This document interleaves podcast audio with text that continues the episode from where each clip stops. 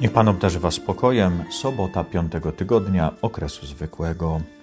Po śmierci króla Salomona na tron wstępuje jego syn Roboam, którego poznaliśmy już wczoraj.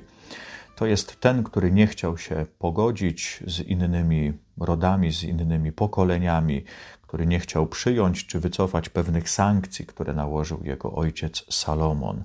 I następuje podział. Widzieliśmy już ten podział poprzez ten znak prorocki, ten płaszcz, który jest pocięty na 12 kawałków y, i w tej dysproporcji 2 do 10. I tak faktycznie dzieli się królestwo Izraela. Po śmierci wspaniałego króla Dawida, potem Salomona, właśnie po tym czasie, byśmy powiedzieli, najlepszym dla Izraelitów, następuje podział i podział, który sprawi później, że Izrael nigdy nie odzyska już swojej potęgi.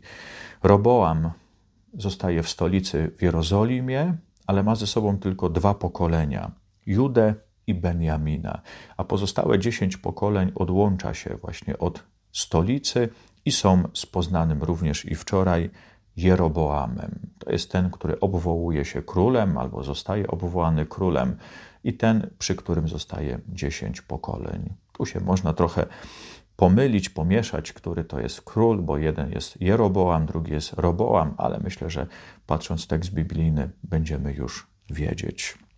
I dzisiejsze czytanie pokazuje, że nie tylko syn Salomona, Roboam, był tym zły, bo nie chciał się pogodzić, nie chciał okazać miłosierdzia.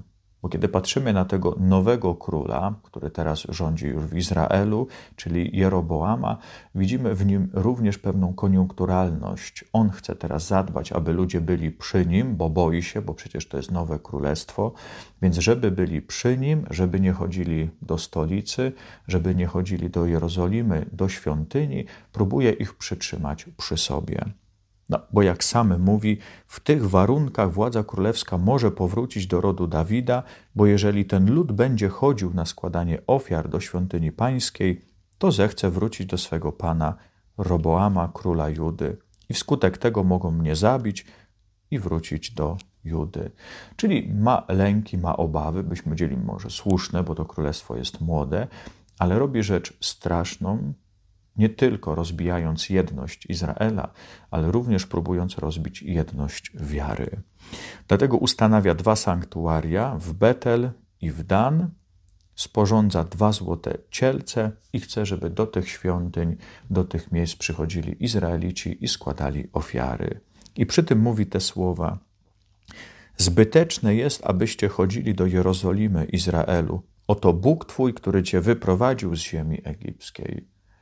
My już znamy te słowa. Właśnie to są te słowa, które również Izraelici mówili na pustyni, kiedy zrobili ze złota cielca. Mojżesz idzie na górę rozmawiać z Bogiem, tam otrzymuje tablicę z dziesięcioma przykazaniami, a oni, nie mogąc się go doczekać, tworzą tego złotego cielca i mówią: Oto Twój Bóg, który Cię wyprowadził z ziemi egipskiej. Teraz mamy, że tak powiem, podwójną skalę tego wydarzenia, bo są dwa złote cielce. I dalej idzie w tym całym swoim złu Jeroboam, bo jeszcze mianuje spośród zwykłego ludu kapłanów, ci, którzy nie byli lewitami, czyli zrywa tradycję, i jeszcze ustanawia święto. Czyli byśmy powiedzieli, sam tworzy cały, całą religię, sam tworzy pewien rok liturgiczny, mówi tu będą święta, tu będą świątynie, tu będą kapłani, tu przychodźcie ale to wszystko ma na celu tylko i wyłącznie ochronić jego jako króla, sprawić, żeby ludzie nie odchodzili albo żeby się nie nawrócili i nie wrócili do prawowitego króla. No to, co zapowiada dzisiaj Pan Bóg, jest rzeczą mocną, byśmy powiedzieli trudną, ale w jakiś sposób sprawiedliwą.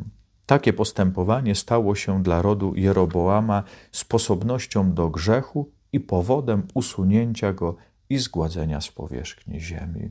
Ten, który sprawia rozbicie nie tylko państwa, ale i religii, ma już zapowiedzianą tutaj zagładę. Kiedy patrzymy na Ewangelię, na szczęście widzimy, gdzie jest prawda. Widzimy prawdziwy chleb i prawdziwe słowo. I dlatego ludzie są zainteresowani prawdą, którą głosi Chrystus. Idą raz za nim, słuchają jego nauczenia, nauczania i wtedy mają pewną wytrwałość czy determinację. Nawet Chrystus, patrząc na nich, mówi: Żal mi tego tłumu, bo już trzy dni trwają przy mnie, a nie mają co jeść. Zapewne wyszli, wydawało im się, że tylko na chwilę, ale kiedy usłyszeli, jak mówi Jezus, kiedy usłyszeli, co mówi Jezus, byli tak zachwyceni, że nawet już nie liczyli dni, nawet już nie liczyli tych kanapek, które pewnie dawno się skończyły, te chleby, które może wzięli. Zobaczyli, że nic nie mają, dopiero kiedy i Chrystus zobaczył ten głód, który jest w nich. Ale najpierw był ten głód słowa i ten głód został nasycony. I teraz Chrystus daje im również ten pokarm tutaj ziemski, żeby faktycznie mogli i żołądki napełnić, bo pewnie serca i umysły pełne już mieli. Prawdziwy chleb, prawdziwe słowo. To jest dzisiaj nam potrzebne. Nie właśnie jakaś wymyślona religia, nie jest coś stworzonego, które ma na chwilę tylko nas przytrzymać przy kimś, który chce z tego mieć jakieś korzyści, ale prawdziwy pokarm, który nasyca prawdziwe słowo, które otrzymujemy i dlatego każdego dnia przy tym słowie się zatrzymujemy i prawdziwy chleb. Ten chleb, który dał Chrystus, zapowiada ten chleb eucharystyczny, który mamy w czasie komunii, czyli również to ciało i krew Chrystusa. Te dwa prawdziwe pokarmy otrzymujemy, dlatego możemy być przy prawdziwym Bogu, możemy być przy prawdzie, a dzięki trwaniu przy prawdzie, bo sam Chrystus mówi: Ja jestem drogą, prawdą i życiem. Jeśli przy tej prawdzie, którą jest Chrystus, będziemy trwali, będziemy wiedzieli, jaka jest droga wiodąca do życia wiecznego. Pan z Wami, niech Was błogosławi Bóg Wszechmogący, Ojciec i Syn i Duch Święty. Amen.